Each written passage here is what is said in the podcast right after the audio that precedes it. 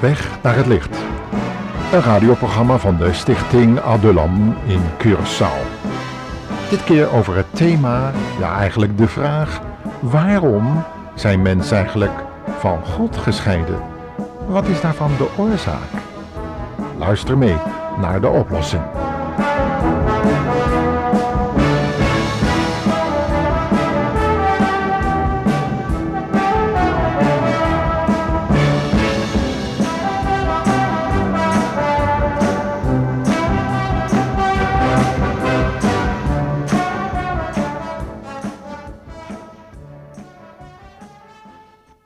Welkom luisteraar in ons programma Op weg naar het licht.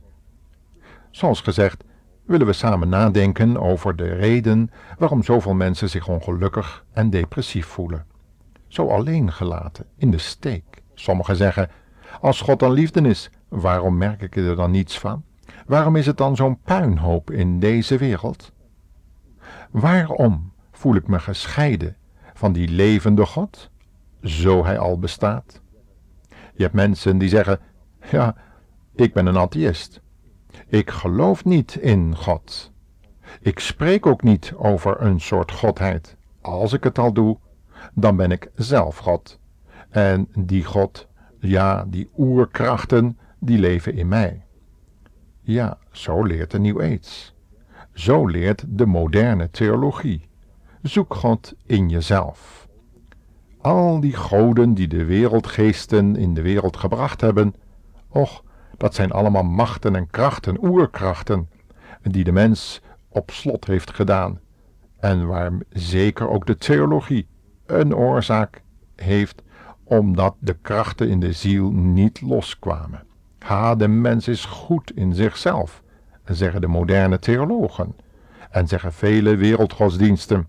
Alleen het kwade dat moet ontmaskerd worden, weggedaan en de ziel moet zich onthechten van het lichaam. En dan komt alles goed en bereiken wij de ware bestemming van ons mensheid, de Godheid zelf. Ja, God leeft in onszelf, zeggen deze moderne, of eigenlijk beter gezegd, hele oude wereldgodsdienst, die door de Satan zelf en zijn boze machten is ingebracht was het niet dat Satan dat al influisterde bij Eva? Gij zult als God zijn. Eet van die boom van kennis van goed en kwaad, en dan zal je het zien. Ja, ja, God wil niet dat je hem gelijk bent. Daarom staat die boom daar en heeft hij verboden daarvan te eten. Eet, drink, wees vrolijk, want anders ga je sterven. En sterven, wel nee dat is iets, dat is voor de domme. Wij sterven niet. We hebben eeuwig leven. We verhuizen in een ander mens. We gaan reïncarneren. Opnieuw geboren worden, ja, ja. Maar niet zoals de Bijbel dat leert.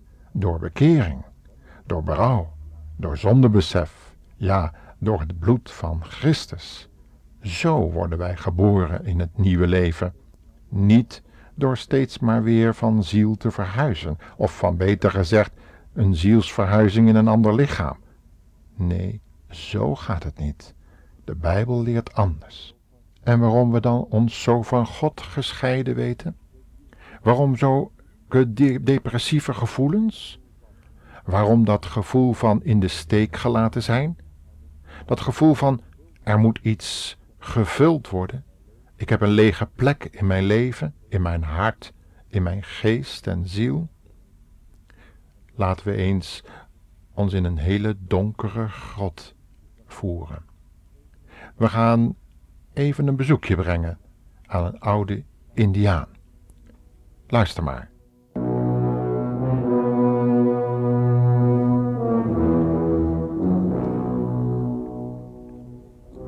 Mompelend beweegt de oude indiaan zich in de donkere grot voort. Een enkele kaars verspreidt een spaarzaam licht. Achter hem strompelen enkele mensen, twee vrouwen en een angstig om zich heen kijkende man. Maar hij is toch niet zo gerust over de afloop van al dat geheimzinnige gedoe. Er moest bloed vloeien, had de oude tovenaar met het mes nog in de hand gezegd, en hij slachtte de kip onder het uiten van enkele geheimzinnige klanken. Hij stak intussen een wierookstaafje aan en strooide wat korreltjes reukwerk over het bloedige offer wat hij aanstak, en riep ondertussen allerlei geesten op. De man en de twee vrouwen die rondom hem zaten, keken toe. Ze waren zojuist met het vliegtuig aangekomen om hem te consulteren en zijn bescherming te vragen. Want die was wel nodig bij al hun illegale praktijken.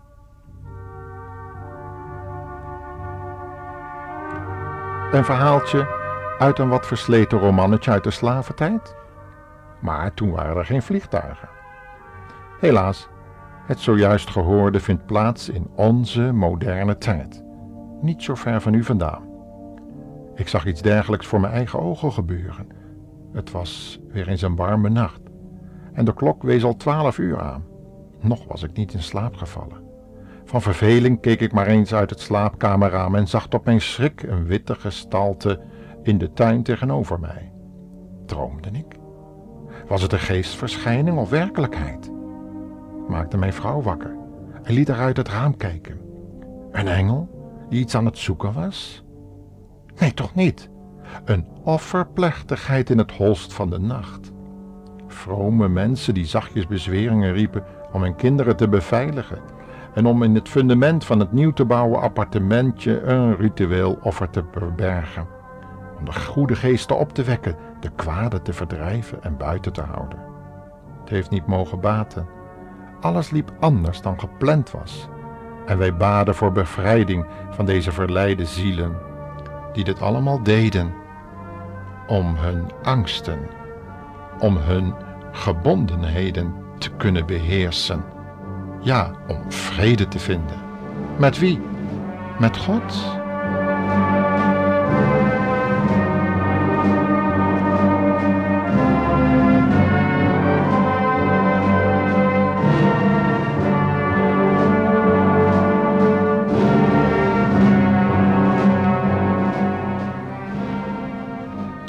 Ook de profeet Jezaja had hier weet van. Hij kende deze rituele ceremonies in zijn tijd, let wel, door mensen uitgevoerd die zich kinderen van God noemden. Het volk wat God uitverkoren had en lief had.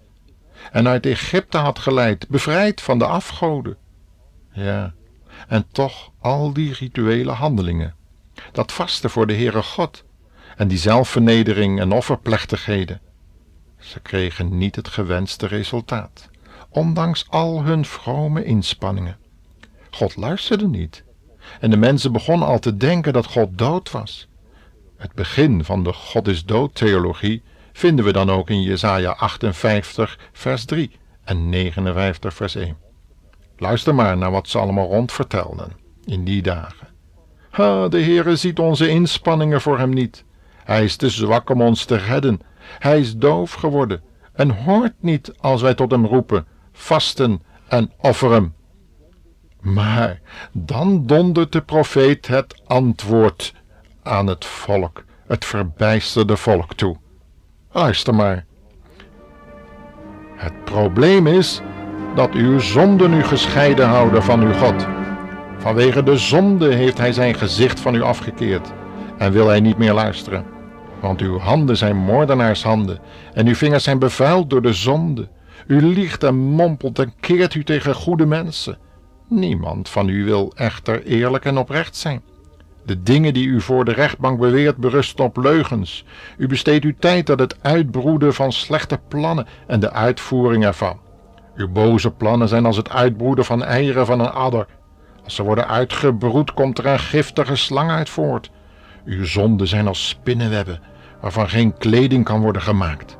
Alles wat u doet is doortrokken van zonde en geweld. En dat is uw belangrijkste kenmerk. Uw voeten snellen naar de zonde. Er wordt gemakkelijk onschuldig bloed vergoten. Uw gedachten zijn uitsluitend op zonden gericht. Waar u ook gaat, laat u een spoor van ellende en dood achter. U weet niet wat werkelijke vrede is, noch wat het betekent om rechtvaardig en goed te zijn. U doet voortdurend kwaad en zij die u volgen zullen geen vrede kennen, net zo min als u zelf. Vandaar dat het recht ver van ons is geweken en de gerechtigheid bij ons niet wordt gevonden. Wij zien uit naar het licht, maar de duisternis houdt ons gevangen. We zoeken houvast als mensen die geen ogen hebben. Luisteraar, herkent u deze ontboezemingen? Ze komen uit het hart van een bezorgde man van God, de profeet Jezaja. Hij had als helper van de koninkrijksregering van zijn dagen de taak van God gekregen om het volk de zonden aan te zeggen. Zonden die scheiding maakten tussen God en zijn volk. Is dat ook niet met ons het geval? Herkennen wij niet veel van wat hoofdstuk 3, vers 10 en verder wordt beschreven? Ja, in de brief aan de Romeinen kun je het lezen. Zojuist gezegd, hoofdstuk 3, vers 10. Paulus spreekt daarover. Hij doet een ontboezeming en past het toe op de tijd waarin wij nu leven. De tijd na de kruisdood en opstanding van de Heer Jezus. Wetten worden gebroken, zeden en moraal naar beneden gehaald. En zij die voorbeelden voor het volk hadden moeten zijn, gaan de mensen voor in leugen en bedrog en zitten nu in de gevangenis.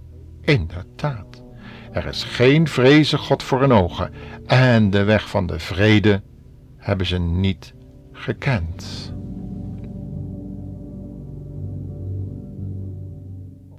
Maar de Heere is God.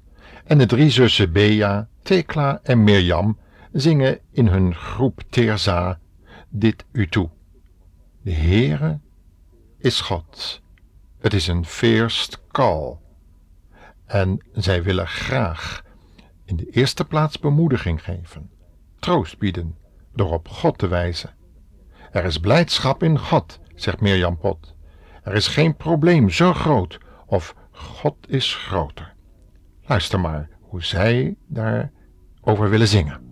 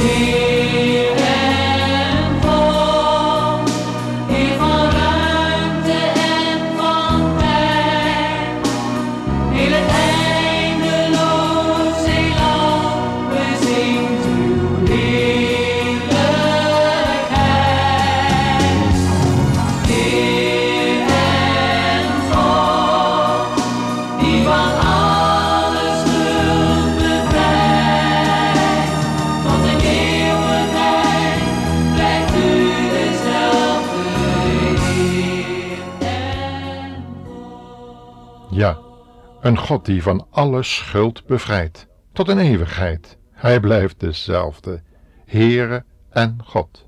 Ja, de Heere is God. Zo riep het volk Israël het uit toen Josia zei, hoe lang hinken jullie nog op twee gedachten? En toen Elia daar op de berg dat vuur van de hemel liet neerdalen op het offer.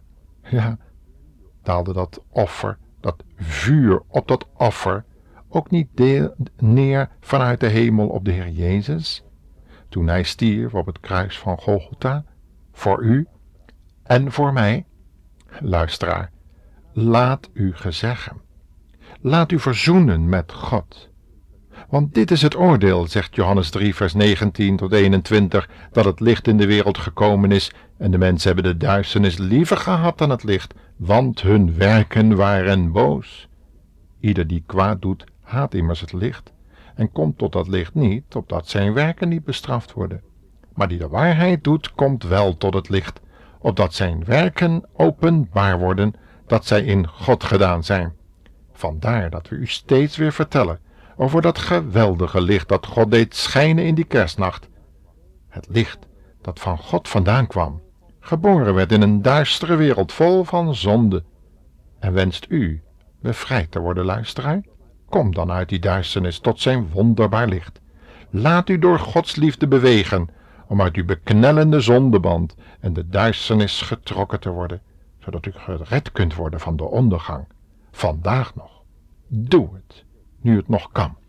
God zegene u en tot de volgende programma's. Kudjoski.